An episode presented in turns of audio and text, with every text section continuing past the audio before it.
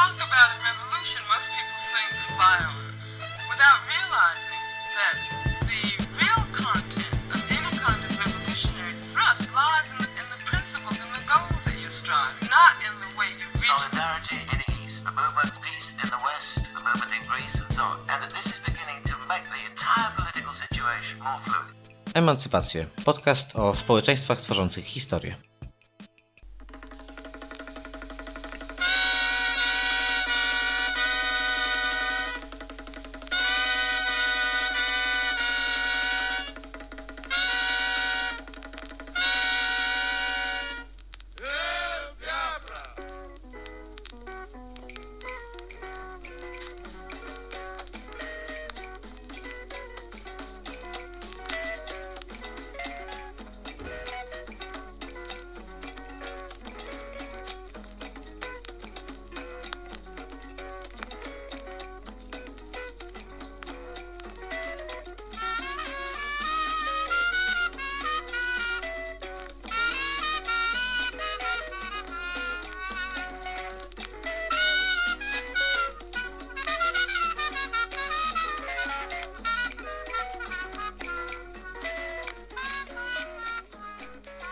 Cześć moje drogie i moje drodzy. Spotykamy się dzisiaj po raz 32. Przerwa od ostatniego odcinka, mm, poprzedniego odcinka była tradycyjnie już nieco dłuższa niż e, się e, spodziewałem, niż pierwotnie zakładałem. Ale tak to już bywa, gdy prowadzi się podcast e, zupełnie bez pieniędzy, bez, że tak powiem, planu promocyjnego, który zakładałby jakąś tutaj ekspansję medialną, tylko mm, jak się to robi amatorsko i zupełnie innych celach. E, W międzyczasie miałem okazję być e, w Azji Południowo-Wschodniej i mm, temu regionowi właśnie e, poświęcę dwa kolejne odcinki. To będą takie krótsze strzały. Dziś porozmawiamy, czy porozmawiamy, ja będę się produkował sam tym razem, o Biafrze, mm, czy też o wojnie domowej w Nigerii.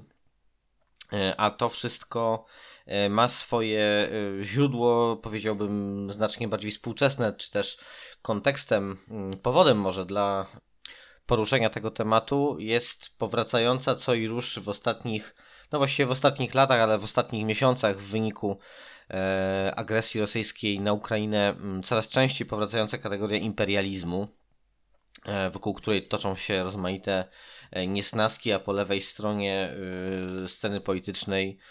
Mm, no, bardzo wiele według mnie szkodliwych nieporozumień powstaje, mm, czy też, y, że tak powiem, podsycanych jest przez rozmaite organizacje, rozmaite osoby. Nie dotyczy to oczywiście wyłącznie polskiego podwórka, właściwie polskie podwórko e, ma tutaj zupełnie marginalne znaczenie, jednak e, co to jest imperium, co to jest imperializm, e, te kategorie powracają e, no czasami w e, zaskakująco e, takim sprymitywizowanym mm, punkcie widzenia wielu osób. Wojna domowa w Nigerii, czyli historia sprzed y, no już 60 lat ponad, wydaje się, czy prawie 60 lat, y, y, może się wydawać nieco y, no tak y, odległym, y, y, od- odległą analogią, czy odległym materiałem dla porównań e, z dzisiejszą sytuacją w Ukrainie, czy też w Europie Wschodniej. Jednak mimo wszystko na tym właśnie przykładzie chciałbym zająć się bardzo ogólnie oczywiście, ale y, kategorią e, imperializmu e, w kontekście neokolonialnym oraz tego, czym są bloki międzynarodowe i czym są bloki imperialistyczne, gdyż e, w takiej e, no właśnie sprymitywizowanej narracji e, utożsamianej z lewicą, chociaż według mnie trudno ją klasyfikować w ten sposób, e, agresja rosyjska e, na Ukrainę e, to jest wojna międzyimperialistyczna, to znaczy mm, ma to być w interpretacji zwolenników takiej wykładni e, wojna, w której e, jeden obóz imperialistyczny prowadzi e, z drugim tak zwaną wojnę zastępczą, tak? To znaczy, ponieważ nie może jej prowadzić w sposób otwarty w przestrzeni międzynarodowej, czy też nie może jej prowadzić w sposób e, bezpośredni, na zasadzie bezpośredniej konfrontacji z innym imperium. E, Mowa tu rzecz jasna, e, oczywiście to nie jest moje zdanie, tylko mm, zdanie no, osób i organizacji kultywujących ten pogląd właśnie w odniesieniu do Rosji i Ukrainy. no, miałby chodzić o starcie Rosji z, mm, ze Stanami Zjednoczonymi, czy też z NATO. No i tutaj w tej Rosji, jak rozumiem, te osoby upatrują pewnych antyimperialistycznych, antyimperialistycznego dziedzictwa kojarzonego z, no właśnie ze schedą po Związku Radzieckim, jak e, e, można postrzegać, no to znaczy na czym polega postrzeganie Związku Radzieckiego jako mocarstwa antyimperialistycznego, to temat na osobną dyskusję, ale rozumiem, że właśnie w ten sposób zwolennicy i zwolenniczki tej, te, te, takiej interpretacji rozumieją obecną e, sytuację w Ukrainie i w Rosji. Moje E, spojrzenie jest zupełnie inne. No, ja stoję na pozycji jakby bezwzględnej solidarności z narodem ukraińskim, e, ale e, z zachowaniem lewicowej interpretacji, to znaczy z uwagą przyłożoną do społecznych, kwestii poszanowania e, praw mniejszości, e, kwestii e, walk klasowych, które w obrębie mm, no jakby działań wojennych również artykułują się w określony sposób.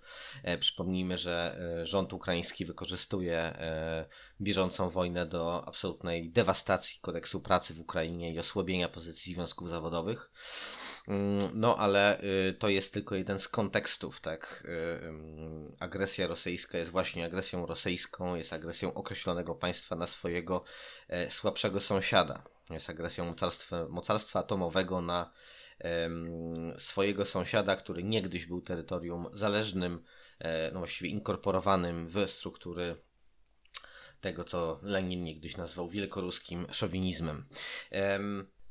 Co do tego wszystkiego y, może mieć mm, Biafra, może mieć sytuacja w Nigerii e, sprzed 60 lat bez mała.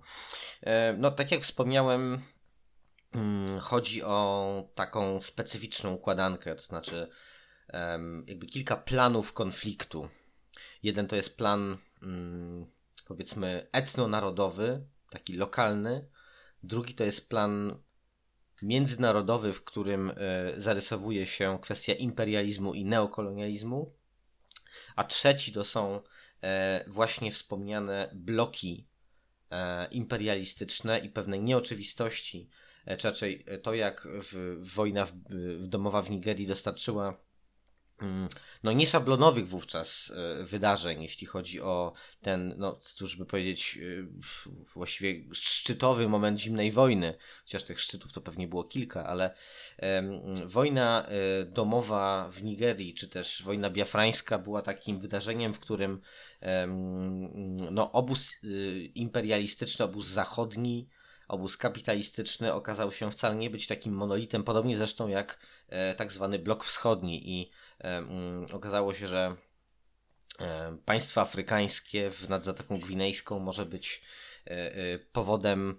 mm, no, rozluźnienia pewnych sojuszy, czy też po prostu właśnie wyraźniejszego uwidocznienia się mm, dużego skomplikowania interesów, które wcale niekoniecznie musiały przebiegać e, wzdłuż tych takich konwencjonalnych linii podziału, to znaczy wschód-zachód, obóz socjalistyczny i obóz kapitalistyczny. Kolejnymi powodami, dla których według mnie wojna biafrańska warta jest przypomnienia, jest to, że konflikt ten um, stał się początkiem wielu e, ważnych współcześnie wyobrażeń na temat e, Afryki, a także wielu, mm, jakby to ująć, sposobów prowadzenia polityki w stosunku do Afryki. Na przykład e, wojna biafrańska o której jakby historycznych źródłach i, i samym przebiegu e, powiem e, za chwilę, ale tylko także dla zarysowania tego, mm, tych właśnie połączeń ze współczesnością tej historii, dodam, że mm, właśnie wojna biafrańska była, e, jak to powiedzieć, początkiem wielkiej kariery wielkich organizacji pomocowych czy hum, organizacji humanitarnych. To znaczy, była swego rodzaju chrztem bojowym tych wielkich, no dzisiaj można powiedzieć, korporacji um, humanitarnych, świadczących pomoc humanitarną, um, no i wykonujących to, co się nazywa relief work, tak po, po angielsku. czyli jakby no interwencji humanitarnych, tak chyba nie znajdę zgrabniejszego określenia. Chodzi oczywiście o takie wielkie podmioty typu nie wiem, Save the Children, Oxfam, chociaż część z nich jeszcze nie istniało wtedy, no to jakby z tych doświadczeń właściwie wykluła się pewna idea i pewien modus operandi e, tych e, podmiotów, m, które potem no właśnie doszły do pozycji e, no, właściwie międzynarodowych korporacji w tej branży specyficznej. E, no i mają swoje wielkie zasługi oraz wielkie przewiny, tak jak wiemy, e, takie dotyczące zarówno kwestii no, poszczególnych tak występków, czy po prostu przestępstw tak popełnianych przez działaczy tych organizacji, nie wiem, no takie w miarę świeże przy, przykłady, no to e, sprawa z Haiti, tak, gdzie działacze Oxfamu dopuszczali się jakichś straszliwych rzeczy, handel ludźmi, imprezy z nieletnimi prostytutkami i tak dalej. No ale są to też E, podmioty zasłużone dla pewnego e, modelu uzależnienia mm, lokalnych struktur władzy w krajach niegdyś zwanych krajami trzeciego świata, obecnie globalnego południa, e, od właśnie pomocy międzynarodowej. Oczywiście długą drogę wiele z tych organizacji przeszło i nie chciałbym teraz, żeby to ta moja wypowiedź była odebrana jako, jako jakiś atak na um, duże organizacje zajmujące się pomocą humanitarną, bo e, w ogóle nie o to mi chodzi. E, myślę, że e, jednak mm, w zakresie świadczenia pomocy te struktury zrobiły dla wielu ludzi więcej dobrego niż złego, ale też trzeba pamiętać o tym, że przyczyniły się walnie do umocnienia pewnych mechanizmów, no właśnie neokolonialnego, ne neokolonialnych interesów, czy jakby reprezentowania neokolonialnych interesów w Afryce to chyba jest widoczne ze szczególną mocą. No ale to też temat pewnie na e, osobną dyskusję, być może nie na akurat, e, nie akurat do naszego podcastu, gdzie e, staram się jednak skupiać na walkach społecznych i na rozmaitych działaniach emancypacyjnych. Kolejnym bardzo istotnym wydarzeniem, jaki przyniosła wojna domowa w Nigerii, czy też wojna biafrańska, Y, obydwa te mm, określenia stosowane są niejako wymiennie, chociaż mm, tutaj też pewne akcenty należałoby e, e, rozkładać ostrożnie, ale o tym może za chwilę. E, mm, niezwykle ważnym wydarzeniem czy faktem było również to, w jaki sposób wojna ta transmitowana, jej przebieg, jak był transmitowany przez zwłaszcza telewizję. Mówi się, że była to e, pierwsza duża wojna domowa XX e, wieku, która była e, bezpośrednio relacjonowana przez telewizję. Trzeba pamiętać, że mm, ta niesłychanie okrutna mm, wojna w Afryce Zachodniej mm, toczyła się w latach 67-70, tak się przejmuje, że to jest ten okres. E, pewnie mm, można by trochę mm, rozciągnąć ten, ten okres na kilka lat wstecz, zwłaszcza kiedy to miały miejsce pierwsze pogromy e, ludności e, Ibo, czy Igbo, jak też niektórzy mm, czytają ten nazwę tego, no właśnie ludu, narodu, e, nie daj Boże, plemienia, o tym też może za sekundę.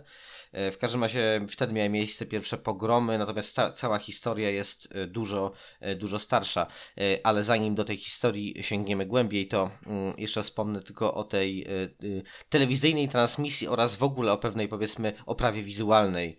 Jakkolwiek to niezręcznie może brzmieć to słowo oprawa, ale jednak chodzi o no, obrazy, tak, w postaci czy to nagrań, czy fotografii, które przekazywane były przez rozmaite media za granicę. E, co zapewniło wojnie w Biafrze czy wojnie domowej w Nigerii międzynarodową ekspozycję.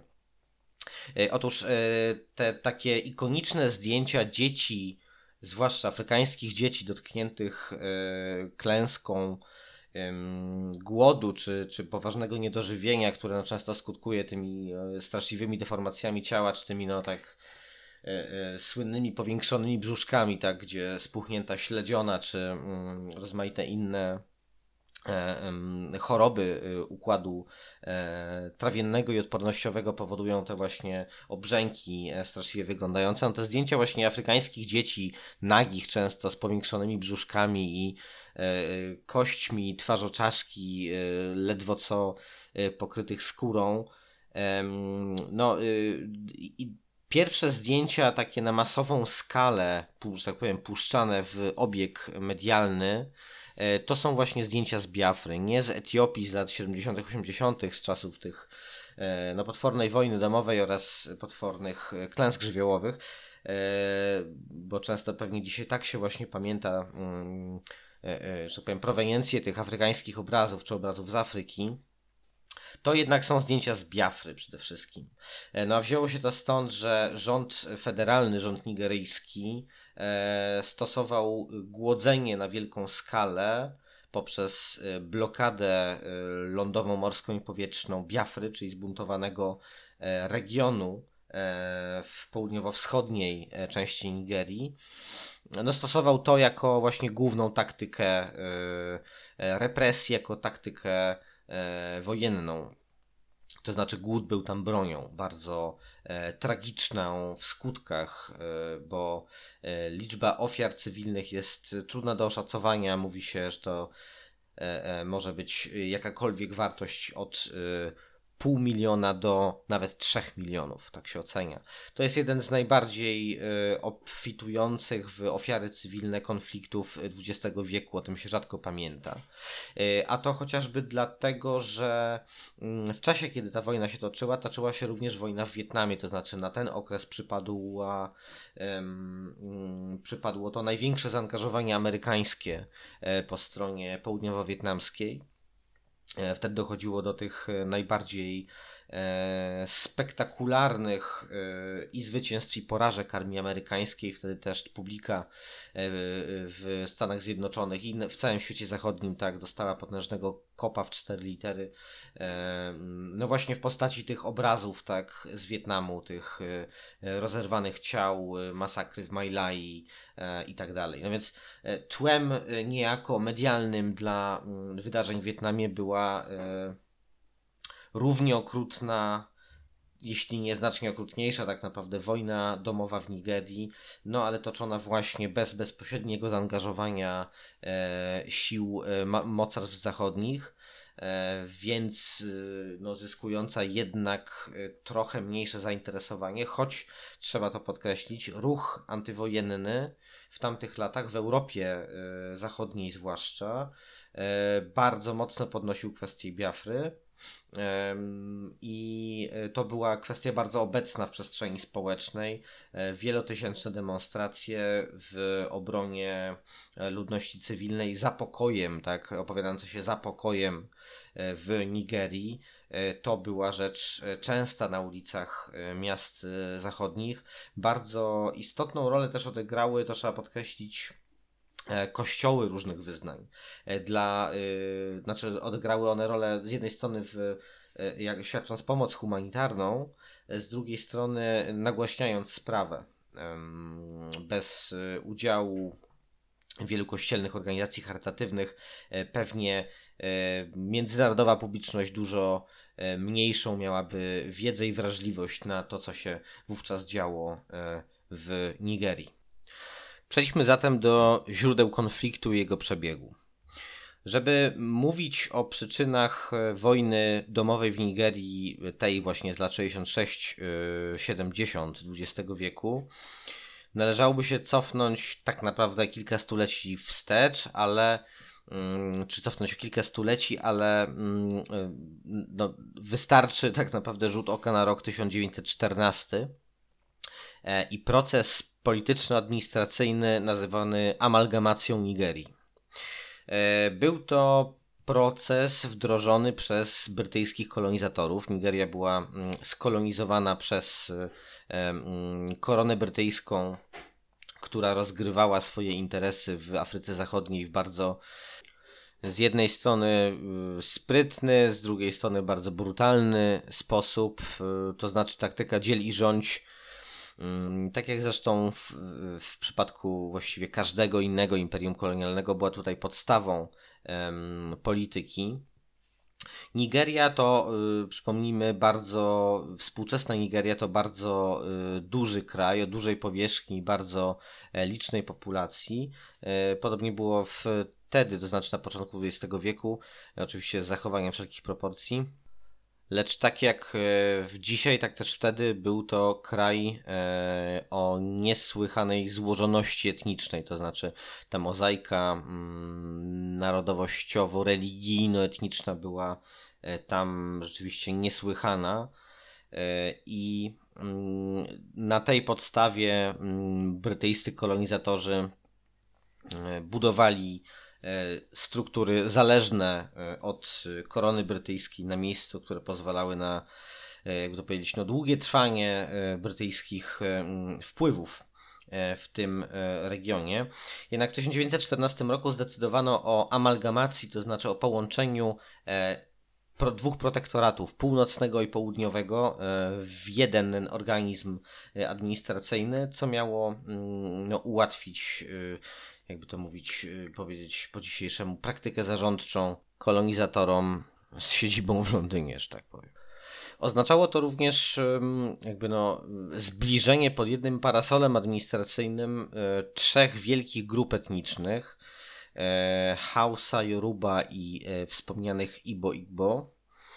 Mm, to są takie trzy główne mm, grupy etniczne zamieszkujące Nigerię, grupy, które nigdy same z siebie nie utworzyły jednego państwa. E, często e, ich przodkowie pozostawali w bardzo e, wyraźnych konfliktach, toczyli ze sobą wojny, ale też zawierali rozmaite sojusze. No generalnie był to dość skomplikowany układ polityczny lokalnie. Mm, Hausa to grupa etniczna zamieszkująca przede wszystkim północną część Nigerii, i w zdecydowanej większości e, Hausa czy Hausowie są muzułmanami. E, mówi się, że to też taka najbardziej konserwatywna część społeczeństwa, przynajmniej wówczas, no właśnie zdominowana przez islam.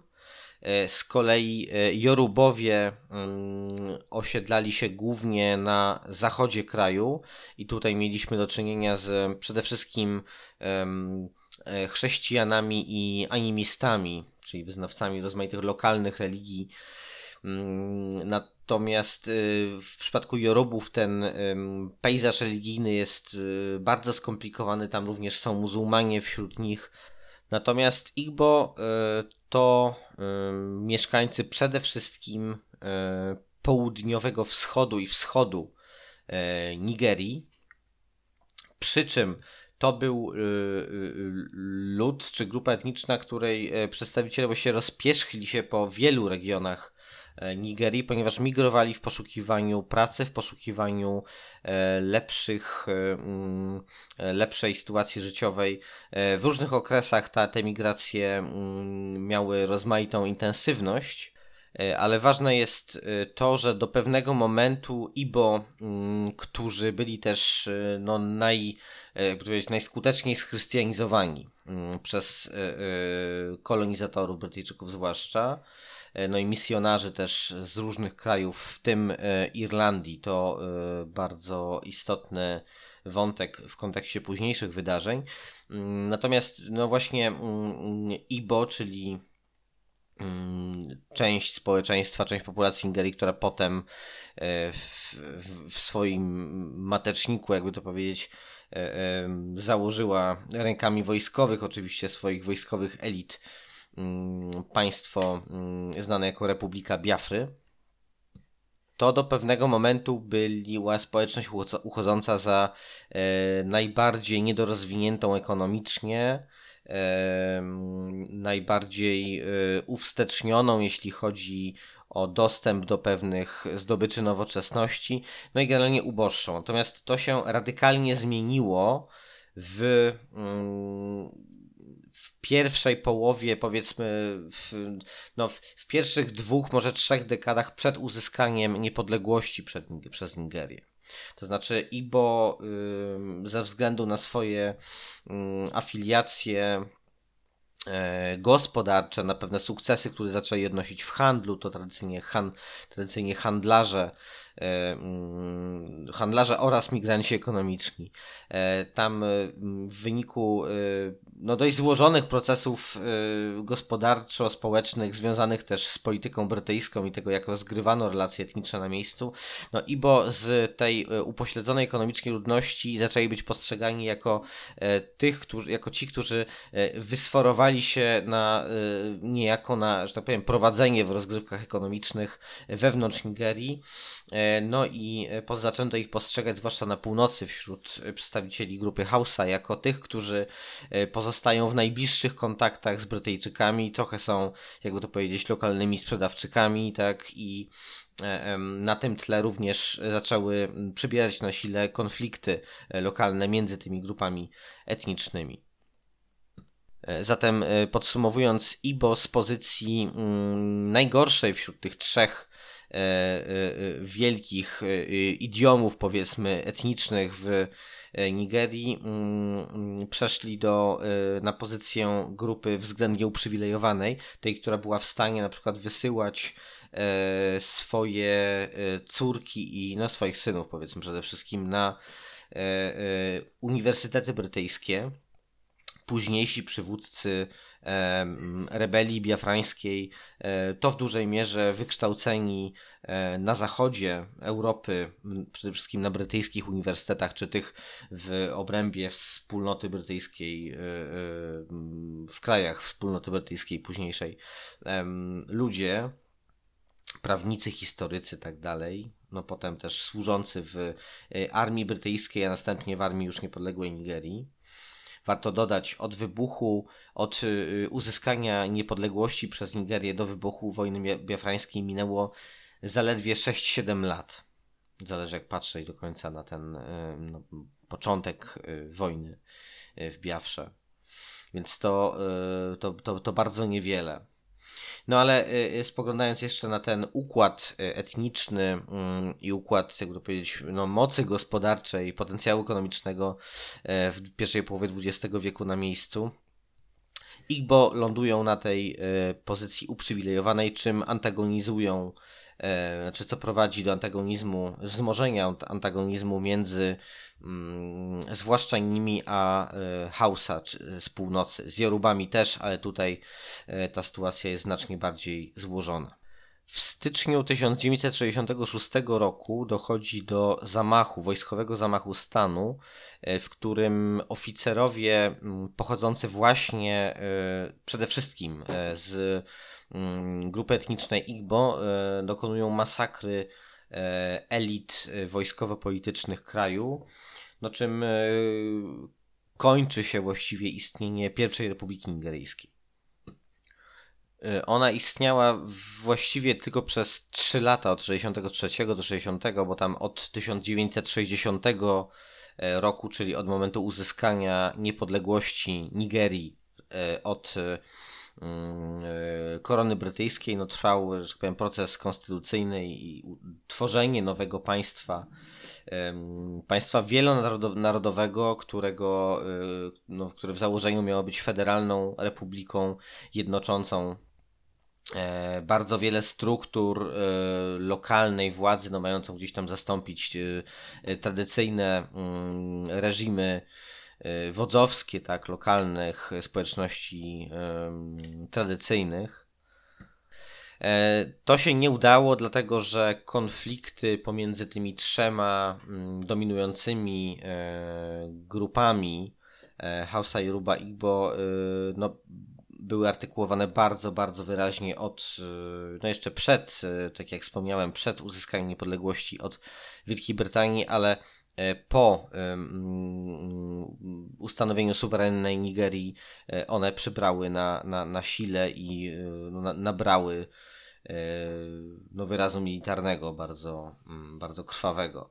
I w 1966 roku mm, grupa e, oficerów, tak jak wspomniałem, dokonuje tego e, zamachu. No i obsadza mm, naczelne stanowiska w państwie i w armii, w administracji cywilnej i w wojsku no, swoimi ludźmi, tak, czyli tymi wywodzącymi się przede wszystkim z Igbo po usunięciu, no po egzekucji, tak, związanych głównie z ludami Hausa oficerów. Więc krótka mm, historia pierwszej Republiki Ingeryjskiej dobiega, koń, dobiega końca i ustanowiony zostaje reżim wojskowy. Jednym z autorów tego zamachu stanu w 1966 roku jest e, niejaki mm, Emanuel Ifeajuna, e, który e, major armii ingeryjskiej, znany w kraju szeroko ze względu na swoją karierę sportową. Otóż był pierwszym rekordzistą czarnym rekordzistą Commonwealthu wspólnoty brytyjskiej e, w skoku wzwyż. Był tak utalentowanym lekkoatletą, celebrowanym w Afryce właśnie jako e, pierwszy mistrz w swojej dyscyplinie e, pochodzący z tego kontynentu. Więc rzecz niebywale istotna pod względem symbolicznym w epoce mm, no, szalejącego instytucjonalnego rasizmu i bardzo młodej wciąż postkolonialnej Afryki. E, nowym e, przywódcą państwa nigeryjskiego po przewrocie wspomnianym zostaje, mm, zostaje generał Johnson mm, Agui Ironsi, czyli szef sztabu armii nigeryjskiej. Agui Ironsi jest, wywodzi się z, z Igbo, natomiast on wcześniej był no, brał udział w zwalczaniu tego spisku, tak, tego, tego zamachu stanu, jednak no, ta identyfikacja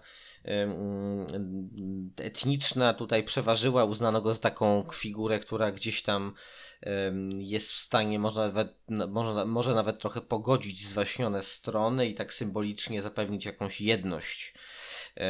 Ponieważ mówienie wtedy y, o mm, wojnie międzyplemiennej, tak, czy wojnie grup etnicznych, tak, bezpośrednio, e, e, bezpośrednio jako głównej, już, głównym, że tak powiem, planie tego konfliktu, e, jednak chyba jest błędem, a przynajmniej pewnym nadużyciem. Wtedy oczywiście te identyfikacje, tożsamości etniczne są, mają no być może już nawet kluczowe znaczenie, jednak w gruncie rzeczy jednak cały czas chodzi o grę interesów w obrębie struktur wojskowych, o wpływy, o wpływy lokalne, ale nie ma tam jakby wyraźnej treści e, no, o charakterze, nie wiem, e, zwiastującym jakieś ludobójstwo, tak, albo zamiary tego rodzaju. Chociaż później rzeczywiście mamy do czynienia z mm, no, eksterminacją poprzez głód, tak, programową eksterminacją poprzez głód, zaordynowaną przez oficerów z północy w stosunku do e, tych z południowego wschodu, czyli przez Hausa Yorubów w stosunku do Igbo. No się głównie Hausa w stosunku do Igbo. ale jednak e, postrzeganie tej wojny jak wyłącznie jako wojny etnicznej, która kończyć ma się no właśnie ludobójstwem, jest według mnie spłycaniem problemu Zwłaszcza, że zapomina się też o kontekście międzynarodowym, tak wysuwając taką interpretację. Tutaj zaraz wspomnimy jeszcze o tej grze mocarstw europejskich, w tym e, w tych całych e, niesłychanie e, skomplikowanych politycznie i krwawych puzzlach. Tuż po zamachu, kilka dni po zamachu, Agui Ironsi mianuje dowódcą wojsk wschodniego regionu Nigerii, mm, pułkownika e, Odumenkwu Ojukwu, e, Eneką zwanego, Odumenkwu Eneka Ojukwu, e, który potem objawi się jako główny przywódca Biafry. Dlaczego w ogóle doszło do tego przewrotu wojskowego? Mm, z jednej strony mieliśmy do czynienia z procesem kształtowania się nowych elit wojskowych, znaczy nowych jak nowych, po prostu w ramach e, nowego, młodo niepodległego państwa nigeryjskiego, no i z e, walką o wpływy e, w tych nowych strukturach wojskowych. Z drugiej strony wcześniej, w 1965 roku jeszcze, no, dochodziło do bardzo poważnych starć E, ludności Hausa z Igbo e, dochodziło do pogromów, e, też na początku 1966 roku, do pogromów anty-Igbo. i ten resentyment jakby wymierzony w ludność ze wschodu Nigerii bardzo mocno przybierał na sile. No jakby przypisywano im na zasadzie no, takiego no, znanego z wielu miejsc w świecie, prawda, mm, procesu stygmatyzacji społecznej przypisywano im wiele e, cech, no takich, e, e, tak uznawano za lokalnych krwiopijców, za kolaborantów, którzy mm, wysługują się Wielkiej Brytanii i tak dalej. Mm, jednocześnie no, trwała na północy wojna o, znaczy nie wojna, ale walka o wpływy w sferze organizacji handlu i, i kontroli nad różnymi branżami, gdzie E, ta identyfikacja etniczna zaczęła odgrywać e, bardzo istotną rolę, no i e, w zdominowanej przez Hausa, muzułmańskich Hausa regionach północy dochodziło do masakr ludności Ibo. Oficerowie mm, należący właśnie do tej grupy etnicznej uznali, że no, przyszedł czas na to, aby przejąć kontrolę, ukrócić ten, ten, e, te procedery na północy i przejąć kontrolę nad e, całą Nigerią.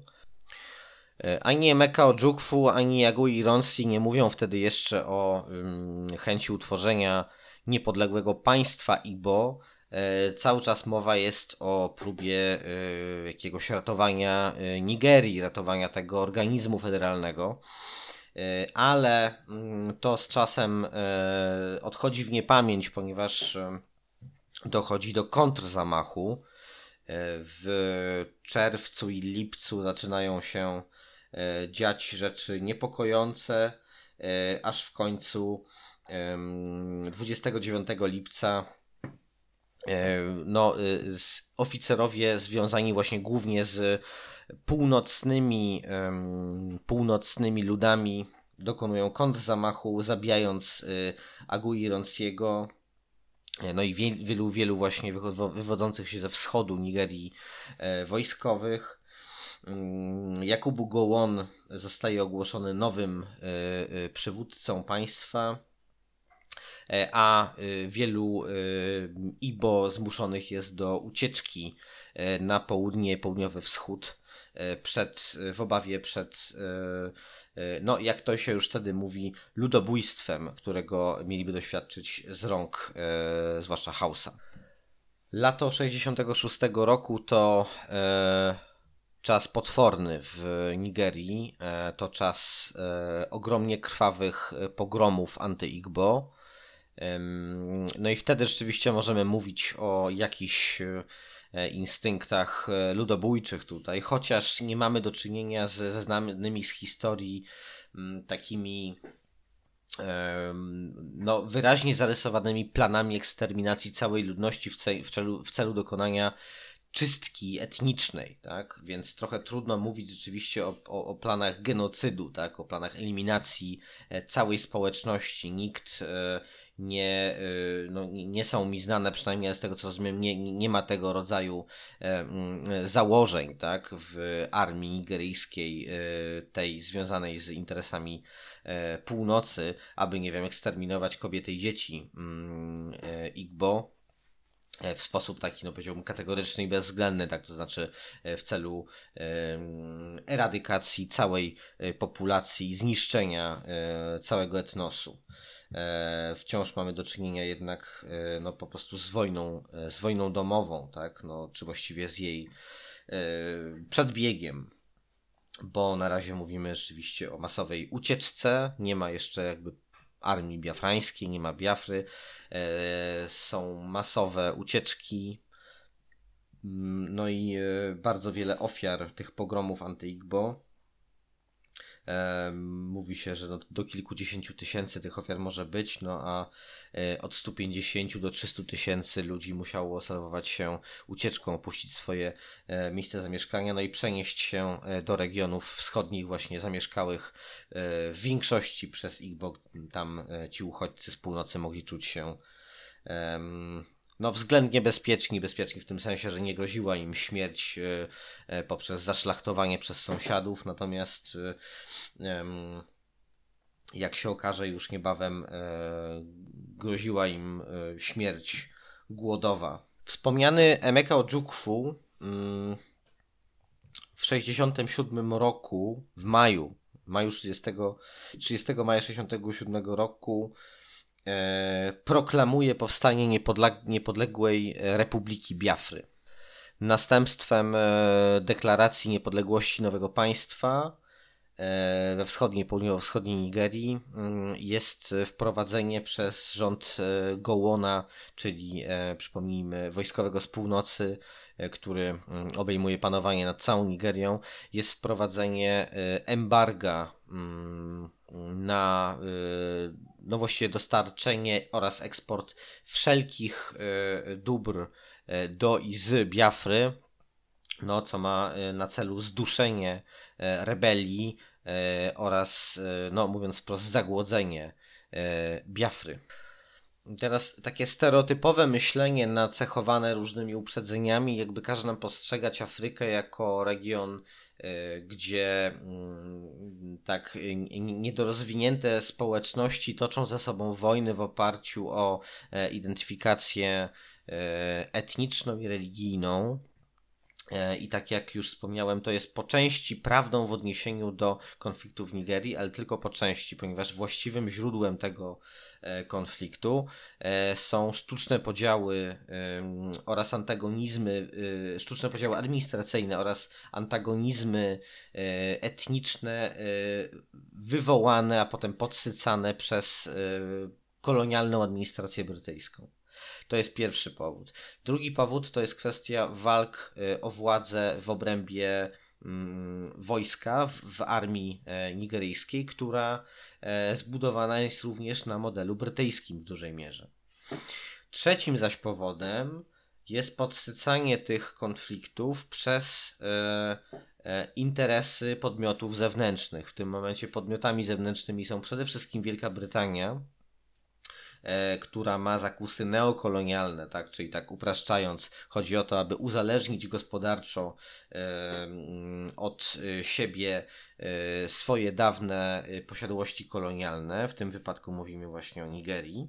Kolejny zewnętrzny podmiot to Związek Radziecki i Blok Wschodni, E, a więc państwa zaangażowane dość mocno, czy no powiedzmy relatywnie mocno w, we wspieranie e, ruchów antykolonialnych e, w Afryce i Azji, ale w, na tym etapie to wsparcie polega głównie na sprzedawaniu broni tym ruchom oraz no, na darowaniu broni e, tym ruchom również, czy przekazywaniu jej za darmo, e, broni e, gorszej jakości przede wszystkim. No i też na, na szkoleniu wojskowym, zapewnieniu edukacji przyszłym cywilnym administratorom z tych wyzwalających się krajów i tak dalej. Nie ma mowy o żadnym bezpośrednim zaangażowaniu Związku Radzieckiego czy innych państw bloku wschodniego w Afryce Zachodniej. To podkreślmy dla, e, dla jasności, jeżeli to dla kogoś e, jest e, niejasne.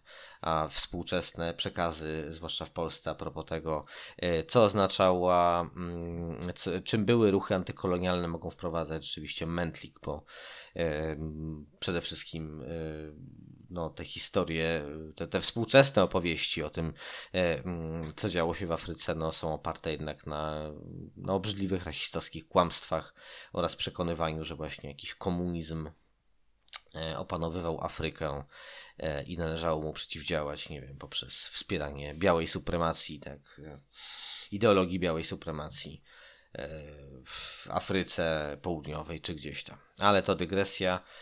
Wróćmy do Nigerii i do Biafry, która już istnieje jako mm, no, niepodległe państwo jeszcze przez mało kogo uznane. Ale tutaj warto wspomnieć jeszcze o kolejnym tym podmiocie zewnętrznym, bo to ma niezwykle istotne znaczenie jest nim Francja. Przypomnijmy, że Nigeria e, to najludniejszy i też najzamożniejszy kraj e, Afryki Zachodniej.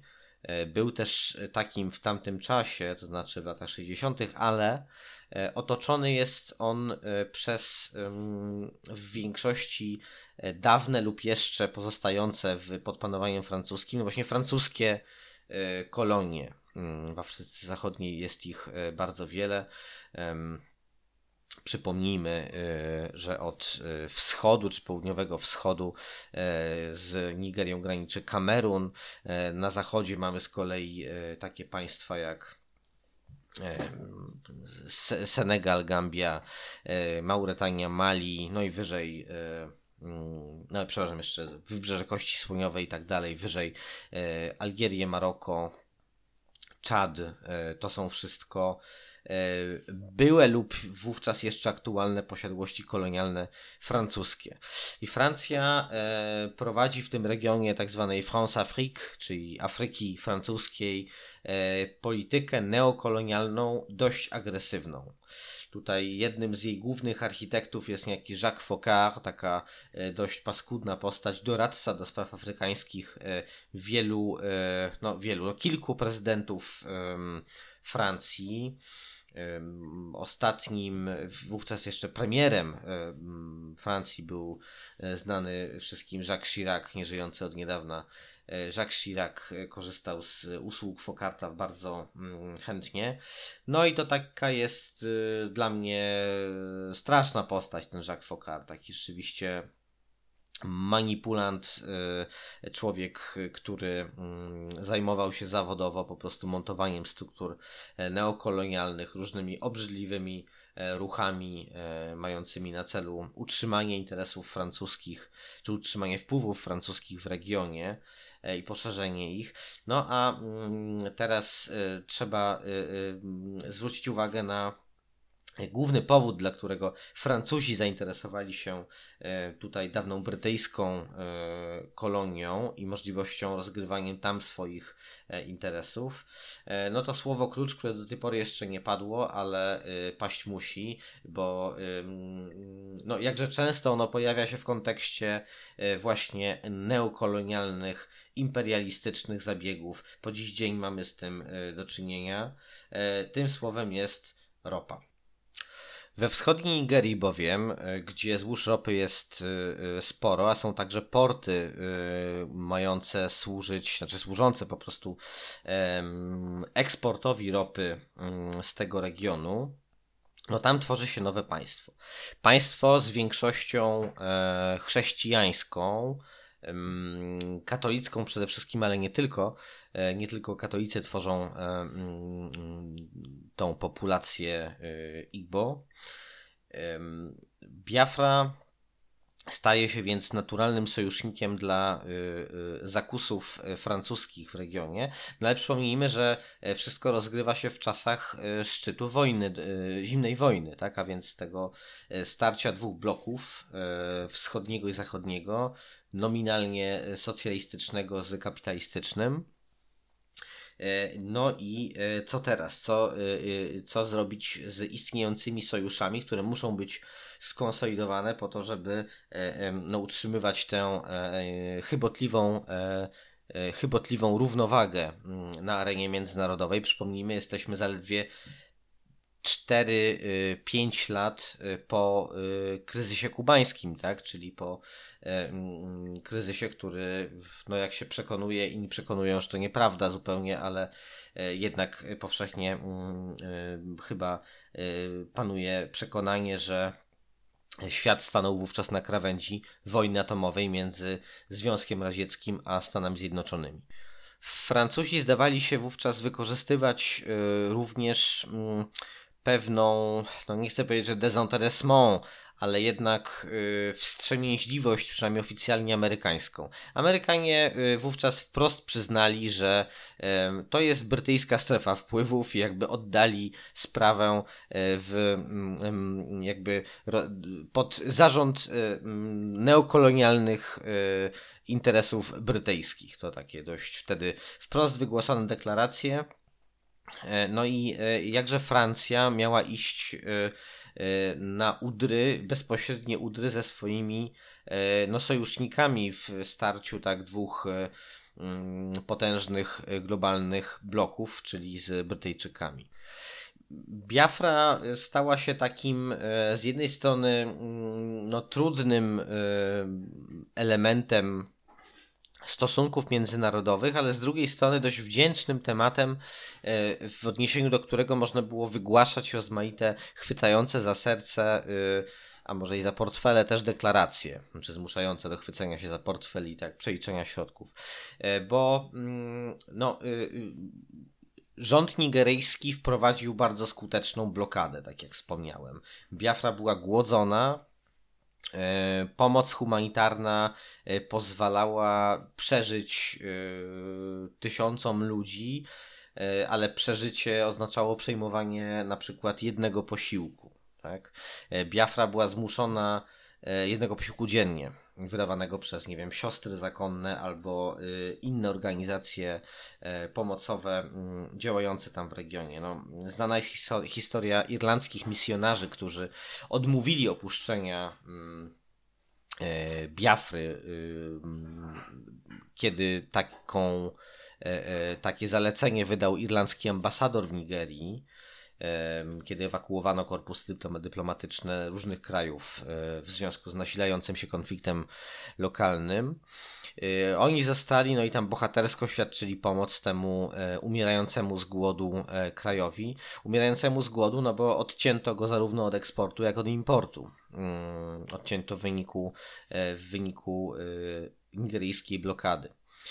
I teraz Igbo wycofani do regionu Biafry mm, ze stolicą w Enugu, mieście Enugu, e, byli e, zmuszeni szukać pomocy no wszędzie. W 68 roku zaczęto już publikować tam takie, znaczy wygłaszać elity wojskowe mm, z Eneką Dżugwu na czele zaczęły wygłaszać wprost takie płomienne apele o pomoc międzynarodową, mówiąc, że grozi im po prostu śmierć głodowa, co zresztą było prawdą. Mówi się, że tam jedna trzecia populacji Biafry wówczas y, zmarła z głodu lub doznała trwałych uszkodzeń, trwałych skutków zdrowotnych y, czy uszkodzeń ciała w wyniku niedożywienia i głodu. E, to straszne są e, liczby, zważywszy na to, jak, e, jak ludne są to, jak ludny jest to region świata. Ale mam też wrażenie, że z powodu faktu, iż wojna w Biafrze przede wszystkim kojarzy się z głodem, z hekatombą ludności cywilnej, czyli z tym, z czym w dużej mierze kojarzą się konflikty afrykańskie w XX wieku, a których było tak dużo, takich, które no, trwają, nie wiem, Demokratyczna Republika Konga jest największym obozem dla uchodźców na świecie, tak? Rzadko o tym pamiętamy, pewnie nawet częściej pamięta, się o y, tragedii ludności Jemenu i tak słabo pamiętanej, słabo eksponowanej e, medialnie, niż o tym, co dzieje się w Kongu.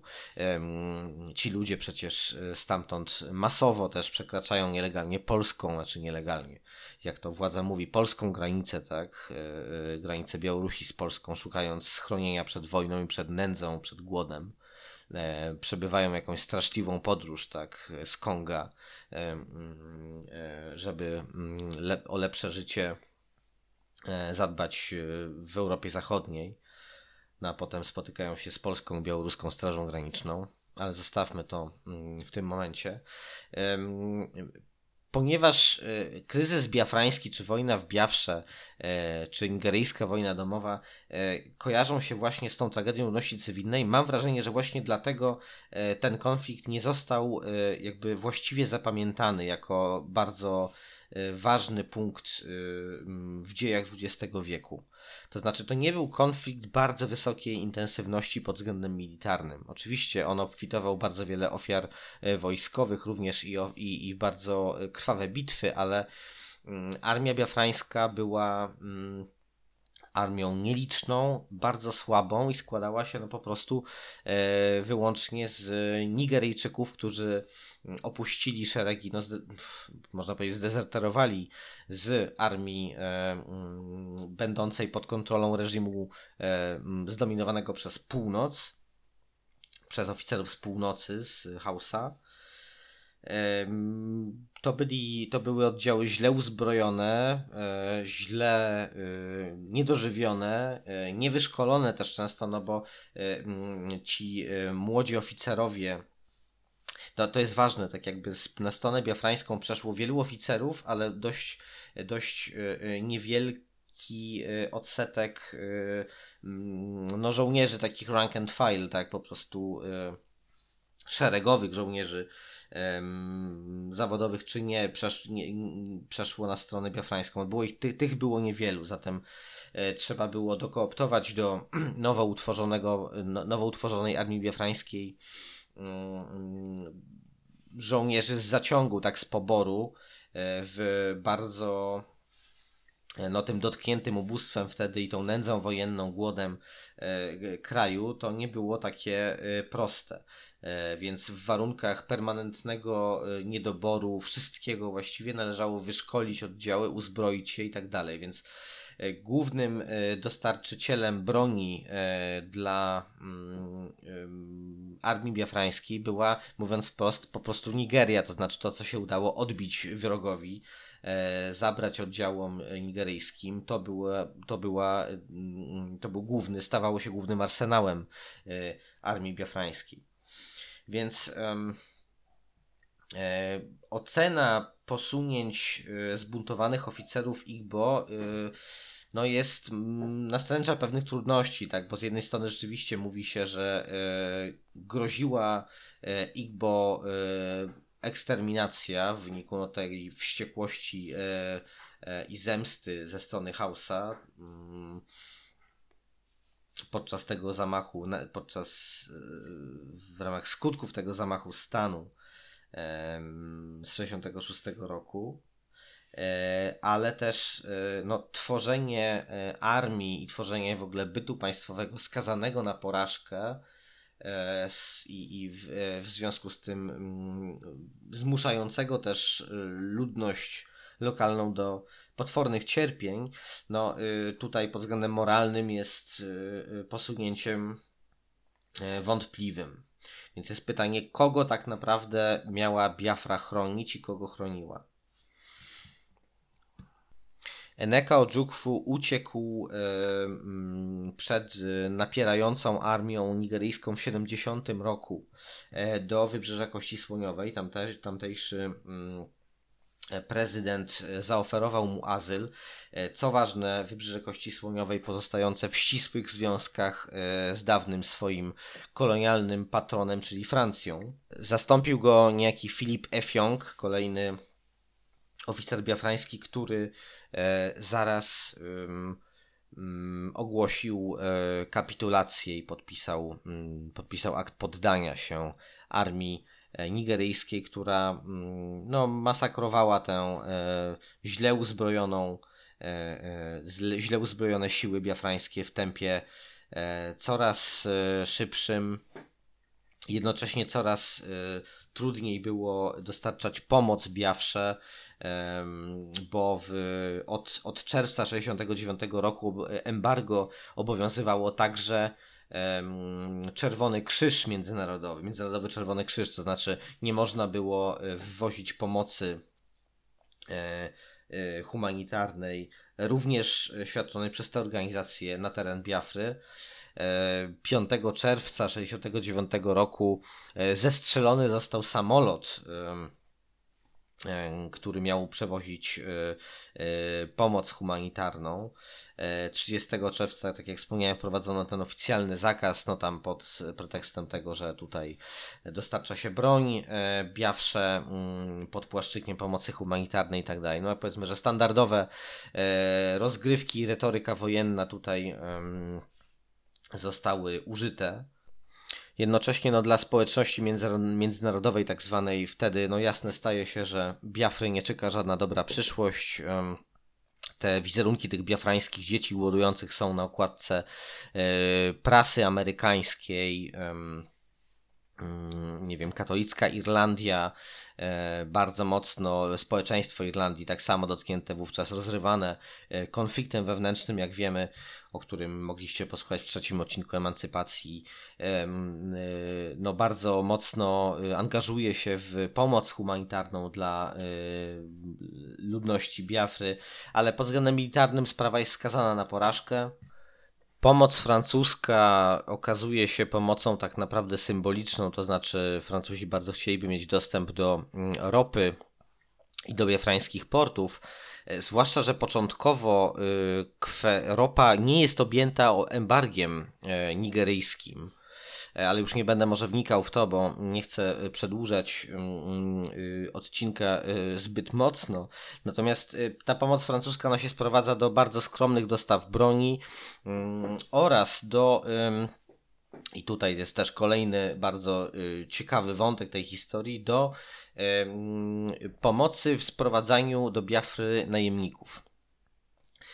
Po stronie biafrańskiej walczyło sporo najemników z Europy Zachodniej, a także z Kanady, z południowej Afryki. I w ich przerzuceniu do Biafry istotną rolę odegrały właśnie mm, e, e, odegrały mm, no, wywiad francuski, wojsko francuskie. Wśród nich jest trochę Francuzów i Belgów francuskojęzycznych, którzy podczas II wojny światowej walczyli w E, walczyli w e, ruchu oporu, ale są to przeważnie ludzie no, o radykalnie prawicowych poglądach, a nawet jeśli nie radykalnie prawicowych poglądach, to, to tacy powiedziałbym e, mm, moralnie wątpliwi oportuniści, którzy, których rzemiosłem jest po prostu wojna i którzy za pieniądze gotowi są robić różne rzeczy bez szczególnego, jak to powiedzieć, obciążenia etycznego dla nich. Wśród e, tych najemników e, są e, postacie znane potem z różnych innych konfliktów. Mm, to są na przykład Carl Gustav von Rosen, tak legendarny szwedzki pilot, czy Lynn Garrison, albo Roger Folk, czyli no taki człowiek z blizną charakterystyczną, awanturnik, e, dość brutalna postać znany z różnych e, zaangażowania w różne takie secesjonistyczne ruchy, bynajmniej nie z powodu jakichś, nie wiem, przekonań ideowych, tylko wiedziony jakby czystym nie chcę powiedzieć chciwością, no ale po prostu tak jakby robiący za pieniądze przewroty, czy szkolący różne y, y, y, takie no, nieszczególnie dobrze wyekwipowane armie mm, awanturnik. E, w tym gronie znajduje się również e, Jan Zumbach, Polak. E, Polaków było w tym gronie więcej, no ale Zumbach to taki najbardziej znany mm, przedstawiciel tej e, grupy najemników e, o polskim pochodzeniu. Zumbach to no, as przestworzy, tak? Mm, Polak tam też, że tak powiem, ze szwajcarskim wątkiem w swojej biografii, jeszcze przedwojennym, ale facet, który właśnie po wojnie po II wojnie światowej, e, mając, mając sławę wielkiego pilota, ponieważ był to jeden z dowódców e, tak e, dywizjonu 303. Każde polskie dziecko wie, czy był dywizjon 303 w bitwie o Anglię. Tak, to jest jedna z, jeden z takich sztandarowych mitów y, polskich dotyczących dzielnych służb, y, y, mm, dotyczących dzielności polskich żołnierzy. Niewątpliwie tak zasłużeni lotnicy, dzielni ludzie, dzielni żołnierze, tylko że mm, ich losy późniejsze często bywały bardzo, jakby to powiedzieć, już mniej szlachetne. Zumbach to był taki awanturnik, który w różnych e, afrykańskich awanturach politycznych e, się objawiał. E, był jednym z przywódców, przepraszam, jednym z dowódców lotnictwa armii Katangi, tak, innej takiej mm, innej zbuntowanej republiki, która zbuntowała się głównie w oparciu o identyfikacje etniczne oraz w celu zapewnienia kontroli nad wydobyciem surowców, tak, w, no to osobna sprawa. On napisał, Zumbach napisał kilka takich wspomnień. No tam właśnie opisuje zarówno swoje wojenne losy, jak i, y, jak i ostatnia walka. Y, moje życie jako lotinka, przemytnika i poszukiwacza przygód. Tak to się nazywa, ten, y, ta, ta wspominkowa książka. Wydana, mająca swoje takie no, najświeższe wydanie w 2007 roku. Możecie znaleźć tę książkę w internecie. Mm, on tam opisuje swoje losy, zarówno jako właśnie tego pilota zasłużonego tak sił zbrojnych, podpułkownika lotnictwa mm, w armii polskiej, w armii na zachodzie i w armii brytyjskiej, ale też no właśnie ten swój awanturniczy mm, żywot, czy to w Katangi, zbuntowanej, zbuntowanej kongijskiej prowincji E, e, pod wodzą e, Moise Chombe, Moise Chombego, czy też właśnie jako dowódcy lotnictwa biafrańskiego, bo taką piastował on funkcję. No i tam no ten mit takiego polskiego lotnika, co nawet na drzwiach od tam szafy czy czegoś stodoły poleci, tak, ten w kółko jakiś tam powtarzany slogan bzdurny, pewnie ta narracja mm, Zumbacha zasila. No, dla mnie bardziej niż bohater to taki e, po prostu y, trochę wyzuty z różnych tam moralnych instynktów oportunista, ale też nie pewnie no, nie najgorsza postać z tych, które funkcjonowały wówczas w tym świecie najemniczym w Afryce. Y, no ale warto zajrzeć, jak macie y, trochę, że tak powiem, wolnego czasu i ochotę na poczytanie wspomnień Johnego Kamikadze Browna, bo tak e, jako Johnny Kamikadze Brown mm, e, funkcjonował on w tamtych latach w Afryce pod takim pseudonimem, no to myślę, że myślę, że można. To lotnictwo Biafry opierało się na bardzo przestarzałych samolotach kilku. Zakup kilku z nich zorganizował sam Zumbach z pomocą Gustafa von Rossena, ale mm, nie tylko, mm, nie, nie tylko jego, natomiast no większość e, z samolotów, którymi dysponowali, czy helikopterów, no to były jakieś przestarzałe e, maszyny brytyjskie, plus zdrobny, że tak powiem, zaciąg francuski. Mm, ale no z tej pomocy francuskiej dla Biafry, no to więcej było rzeczywiście deklaracji politycznych i takich właśnie w duchu humanitaryzmu, że to pomoc tutaj zagrożonego ludobójstwem zagrożonemu ludobójstwem narodowi i tak dalej. W gruncie rzeczy ta pomoc była bardzo ograniczona i, i, i taka nieoficjalna, zwłaszcza, że Francja też Biafry e, dyplomatycznie, oficjalnie nie uznała wcale. E, kolejnym ciekawym wątkiem, który mm, trochę y, pokaże takie no właśnie dłuższe trwanie e, kwestii biafrańskiej, mm, jest stanowisko Izraela wobec y, tych y, mm, działań, a także stanowisko Chin. Bo mm, tak ogólnie rzecz biorąc, po stronie nigeryjskiej, znaczy poparcie dla Nigerii, dla tego federalnego rządu nigeryjskiego pod, pod y, kontrolą północnych ludów Hausa wyraziła Wielka Brytania, no i wspomagała ona go oficjalnie. E, wyraził też Związek Radziecki, który sprzedawał broń e, Nigeryjczykom, walcząc o zachowanie jakby swojej obecności dyplomatycznej, czy jakby swoich wpływów dyplomatycznych w mm, regionie. E, Amerykanie, tak jak wspomniałem, po cichu również. Szereg państw arabskich stanęło po stronie Nigerii ale po stronie mm, po stronie Biafry opowiedziały się, no ale to właśnie na poziomie, że tak powiem, dużej ogól, ogólności dyplomatycznej, między innymi e, Francja to przede wszystkim, e, Chiny, które mm, wówczas no same targane potężnymi e, konfliktami wewnętrznymi, to czasy właśnie kiełkującej rewolucji kulturalnej, no i wielu innych tarć wewnętrznych, w, czy to w armii chińskiej, czy w partii, komunistycznej partii Chin. No, Chiny wówczas e, zaznaczyły tę swoją obecność w Afryce tak naprawdę po raz pierwszy w sposób wyraźny. No, e, ten proces rozwijał się przez lata, no, wstrzymany w późniejszych latach 60. na trochę, ale mm, Chiny jednak odegrały istotną rolę i postanowiły zaznaczyć swoją kontrpozycję w stosunku do stanowiska Związku Radzieckiego. A kolejnym państwem właśnie jest e, Izrael. Już wtedy w latach 60. późnych, w związku z ludobójstwem zagrażającym, zagrażającym e, Igbo, e, pojawiają się wśród tamtejszych elit takie skłonności, specyficzne skłonności syjonistyczne. To się bierze z tak naprawdę z jednym ze źródeł jest tak naprawdę bardzo głębokie chrześcijaństwo.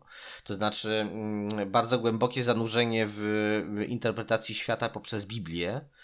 E, no i tam e, poprzez odczytanie no, mm, losów, ówczesnych losów Igbo za pomocą, czy przez pryzmat e, historii biblijnych, to niektórzy lokalni intelektualiści e, z tej społeczności dochodzą do wniosku, że Igbo to tak naprawdę jest nowe wcielenie e, Żydów, nowe wcielenie starożytnych Izraelitów, e, którzy no, mm, dokonują eksodusu. Tak jak Żydzi z Egiptu, no, no to oni do tej Biafry właśnie z niewoli nigeryjskiej i że prześladowania, których, do, których doświadczają, no przypominają e, plagi egipskie, tak? E, bo to głód, e, bo to choroby, bo to plony zniszczone przez szarańcze, tak dalej, tak? Więc pojawiają się tego rodzaju analogie. To być może brzmi trochę fantastycznie, ale przypominajmy, że mamy, przypomnijmy, że mamy do czynienia z młodym państwem nigeryjskim, z elitami, które są no, stoją w, znaczy inaczej, przepaść między tymi elitami, e, zwłaszcza wojskowymi, a tak zwanym zwykłym człowiekiem, przedstawicielami klas ludowych tamtejszych jest gigantyczna. To jest, są w większości, mówię o tych klasach ludowych, to są w większości e, społeczności rolnicze używające prymitywnych narzędzi, nie mające do czynienia ze zmechanizowanym rolnictwem, przynajmniej nie na wielką skalę. E, i e, mm, posługujące się no taką e, czy wyznające mm, chrześcijaństwo często z naleciałościami ludowej religijności niechrześcijańskiej czy przedchrześcijańskiej, więc wszystko tworzy taki amalgamat wrażliwy na różne wpływy, tak? Więc wtedy taka narracja inspirowana Biblią, nowatorska, synkretyczna, tak przekonująca, że mamy tutaj do czynienia z jakimś po prostu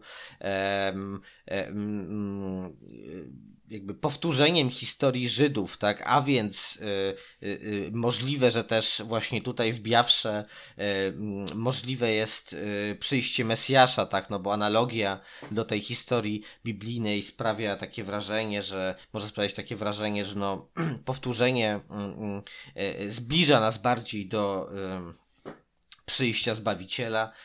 To wszystko razem no, tworzy taką intelektualną układankę, która dla niektórych mm, przedstawicieli, czy jakby części społeczności ludu Igbo może być dość atrakcyjnym e, sposobem na wytłumaczenie sobie tej tragedii, e, tej e, potwornek, tego potwornego cierpienia, którego wówczas doznają. Rok 1970 przynosi koniec wojny w Biafrze, przynosi koniec Biafry, tak, po kapitulacji podpisanej przez Filipa Efionga.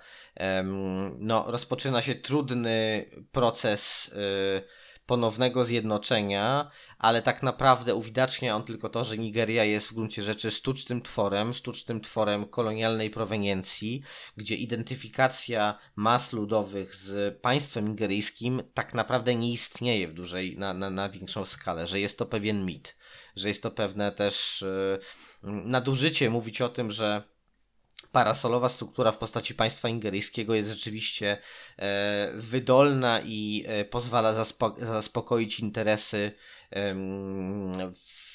nawet głównych swoich e, części, nawet tych największych grup etnicznych tworzących tamtejsze społeczeństwo.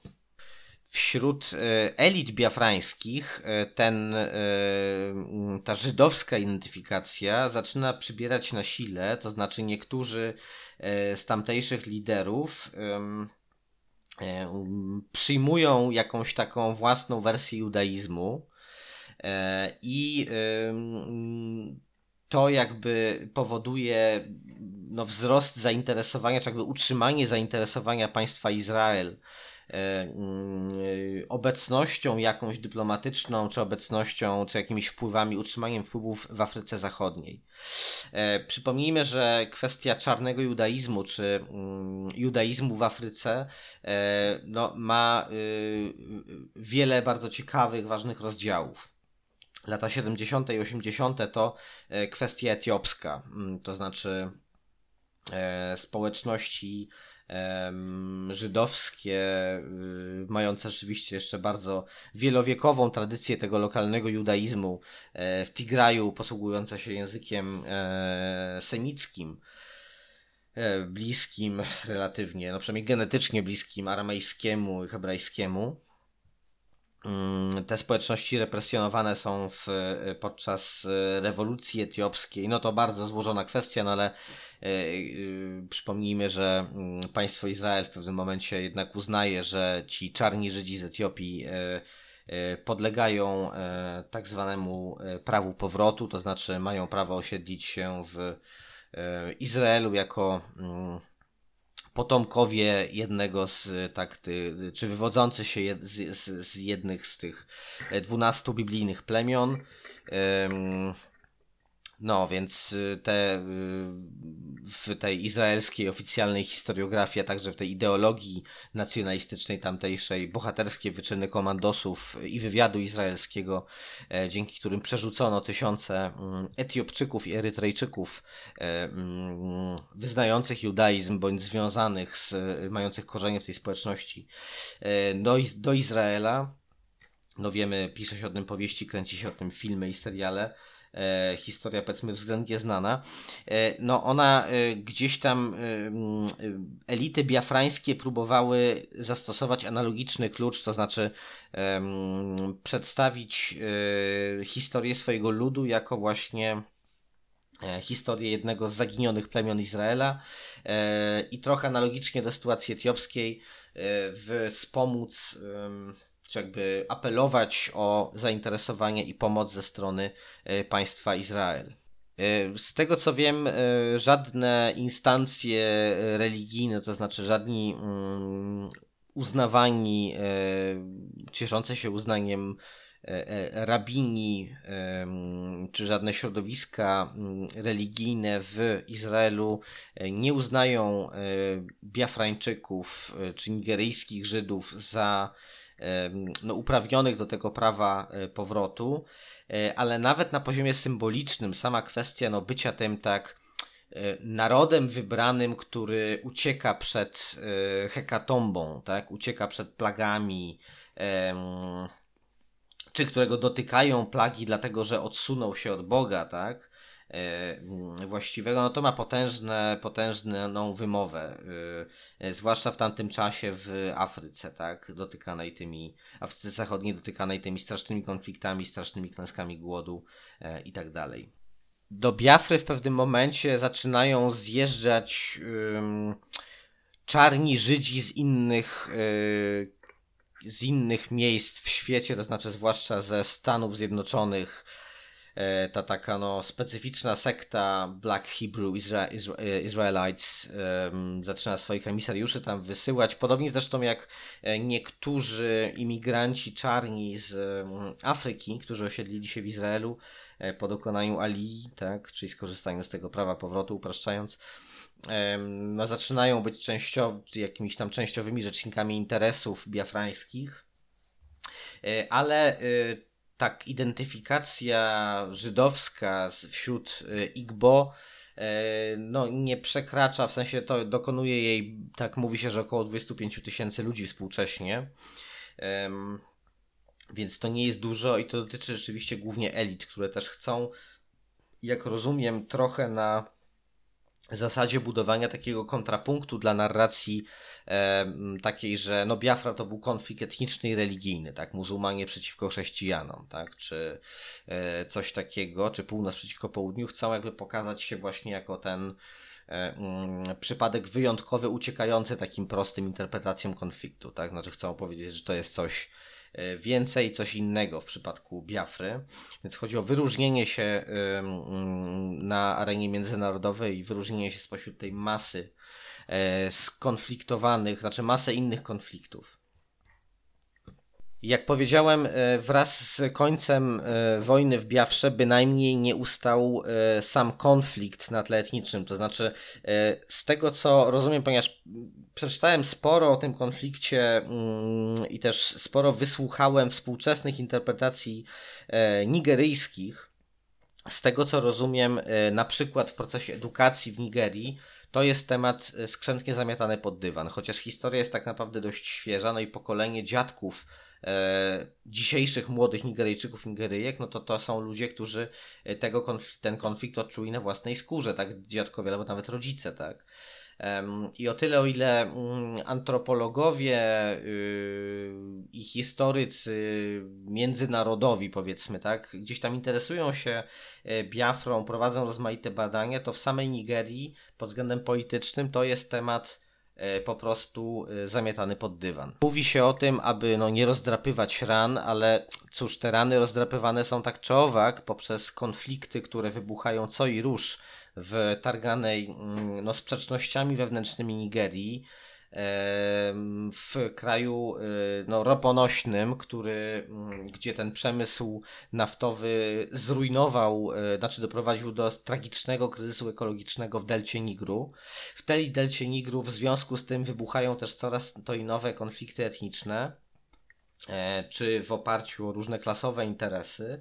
E, I e, no to jest miejsce oczywiście bardzo niespokojne, podobnie zresztą jak i północ, o której teraz się głównie mówi, no bo Boko Haram, tak i rebelia islamistyczna na północy, głównie o tym się mówi w kontekście Nigerii współcześnie, ale te konflikty na południu są również niesłychanie wyraziste.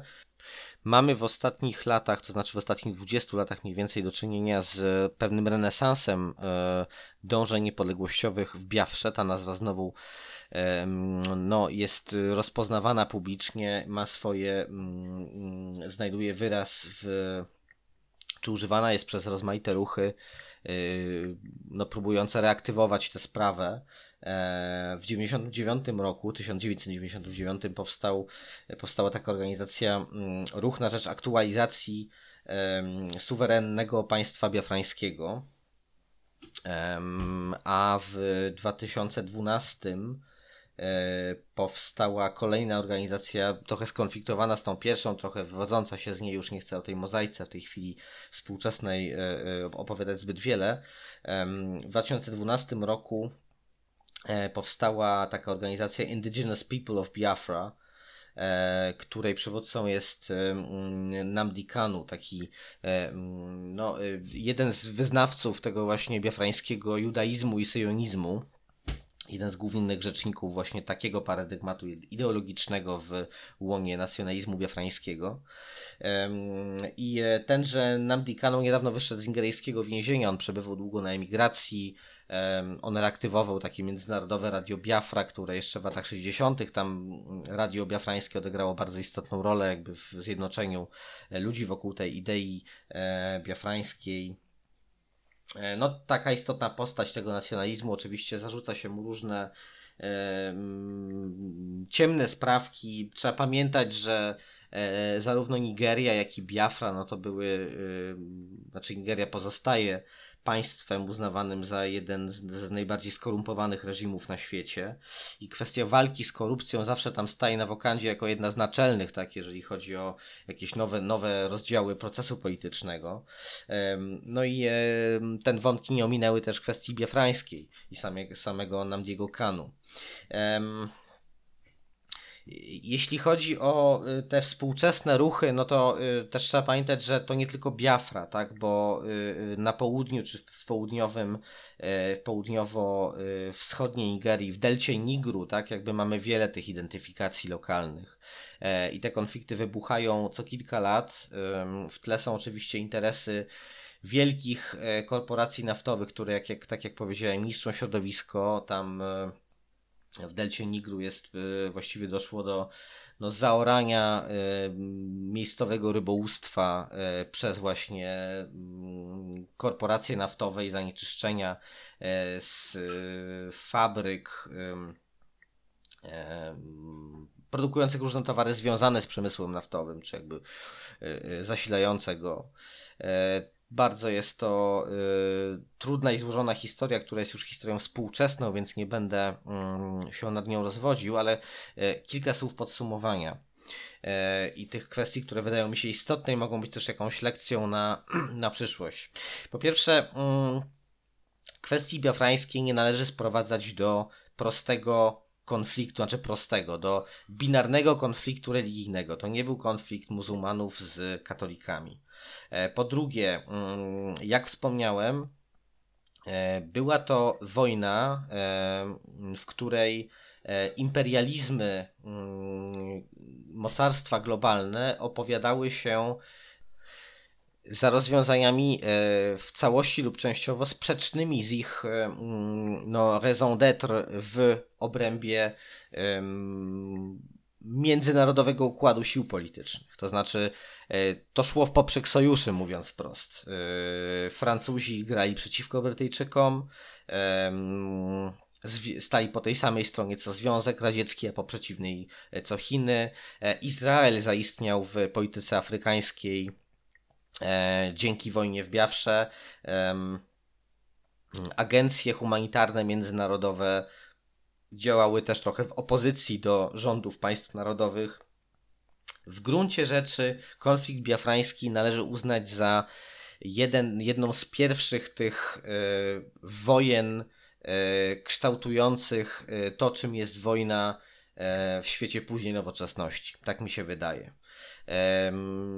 Z drugiej strony też pamiętajmy, że była to wojna niesłychanie prymitywna w tym sensie, że po jednej stronie była e, armia słabo uzbrojona i słabo wyszkolona, po drugiej stronie była armia bardzo słabo wyszkolona i bardzo słabo uzbrojona. To znaczy armia E, biafrańska no, miała charakter właściwie pewnej struktury paramilitarnej. No i brawurowe akcje Jana Zumbacha czy innych najemników e, z Europy Zachodniej no, nie, nie, nie, nie, nie specjalnie są w stanie przykryć e, ten fakt, że była to wojna potwornie no, polegająca na potwornej nierównowadze militarnej i w związku z tym obfitująca też w bardzo wiele y, ofiar po stronie y, cywilnej.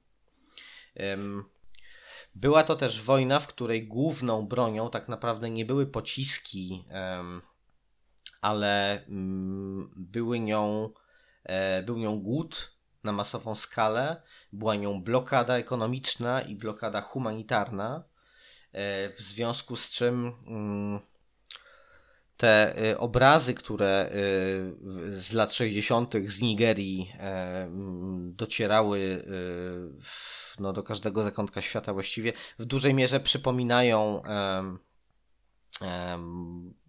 no, różne ludobójcze e, obrazy różnych ludobójstw, które znamy z późniejszych e, lat, czy właśnie jakby to powiedzieć, no dziś modny termin wojna hybrydowa znajdowałby przynajmniej częściowe uzasadnienie mm, dla użycia, znaczy użycie go w odniesieniu do konfliktu biafrańskiego znajdowałoby częściowe y, uzasadnienie, tak? To znaczy wojna prowadzona z jednej strony środkami militarnymi, tak jak e, robią to dziś e, Rosjanie w Ukrainie, z drugiej strony e, granie na totalną dezorganizację państwa, na e, tragedię ludności cywilnej, tak jak teraz Rosjanie robią e, w Ukrainie, e, próbując pozbawić Ukrainę sieci energetycznej e, i łamiąc wszelkie możliwe konwencje prawa międzynarodowego mm, bez zważania na jakiekolwiek konsekwencje.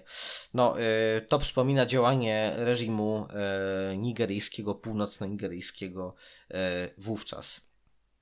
Także pewne analogie i pewne lekcje można wyciągnąć, ale przede wszystkim dla mnie, jak słyszę Biafra, to właśnie e, e, widzę zawsze te trzy plany konfliktu. Tak? Z jednej strony konflikt lokalny, faktyczne, e, faktyczną próbę emancypacji Igbo, e, potem ten konflikt e, w układzie mm, globalnym, niestandardowy, tak? poszatkowanie dwóch obozów imperialistycznych na, czy obozu imperialistycznego i tego pseudosocjalistycznego, um, zgodnie z partykularnymi interesami poszczególnych krajów. A z trzeciej strony ten plan neokolonialny, tak? próbę rozgrywania interesów w e, regionie przez e, mocarstwa niegdyś mające bezpośrednią władzę nad e, państwami zachodniej Afryki, e, no a teraz, to znaczy wówczas próbujące tę władzę mm, utrzymać e, w sposób e, taki, no, za pomocą metod zakulisowych i mm, jakby rozgrywając sprawy bardziej po cichu. To wszystko, jeśli chodzi o opowieść o. Y, ja zachęcam Was do zgłębienia tematu, bo tak jak mówię, w pewnym sensie można rozumieć ten konflikt jako trochę moment założycielski dla różnych późniejszych mechanizmów neokolonialnego imperializmu w Afryce Zachodniej i nie tylko zachodniej. Obfituje ten temat w różne właśnie nieoczywistości, więc tym bardziej czyni go to e, bardzo ciekawym. E, chciałem tutaj jeszcze nadmienić, że ten odcinek pewnie by nie powstał, gdyby nie pomoc e, nieocenianego Piotra Grudki. Piotrze, jeżeli, jeżeli słuchasz, to bardzo dziękuję Ci za pomoc w mm, no, dostarczeniu mi różnych materiałów mm, pisanych, to znaczy tekstów, książek. Piotr jest tutaj niesłychanie skutecznym szperaczem archiwistą. Wielkie dzięki.